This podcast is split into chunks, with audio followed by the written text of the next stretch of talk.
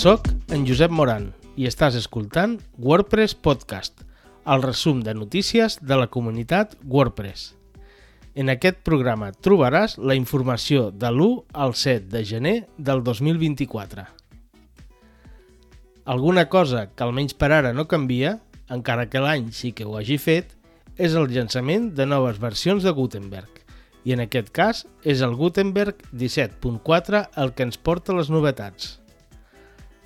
A més de desenes de millores, podem destacar algunes interessants de cara a la pròxima versió de l'editor, com la vista de dades, que inclou ja la llista de plantilles i que elimina l'etiqueta d'experimental. Una altra gran millora per a la fase 3 és la integració i paginació de les revisions al llibre d'estils, que inclou ja tots els canvis, si el canvi està aplicat o qui i quan ho ha fet. Una funcionalitat que alguns trobaven a faltar és la possibilitat de tenir més control de les imatges de fons dels blocs, tenint ara controls de mida i repetició. Una altra eina que millora cada versió és la vista de llista, que a partir d'ara tindrà un menú de configuració accessible amb el botó dret del ratolí.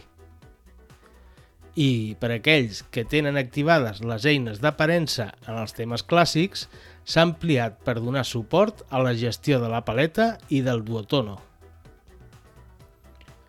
Alguns idiomes de les traduccions de WordPress estan duplicats, a la llista trobem idiomes com el català, neerlandès, anglès, francès, alemany, portuguès o serbi. En cada un dels idiomes duplicats, que principalment és per la presència d'una mateixa variant com a variant i com a idioma separat, o per contenir una versió formal i, per defecte, s'ha pres la decisió, en cada cas, d'amagar de les llistes alguns d'aquests idiomes a l'eina de consistència. I, per acabar, aquest podcast es distribueix amb llicència EUPL.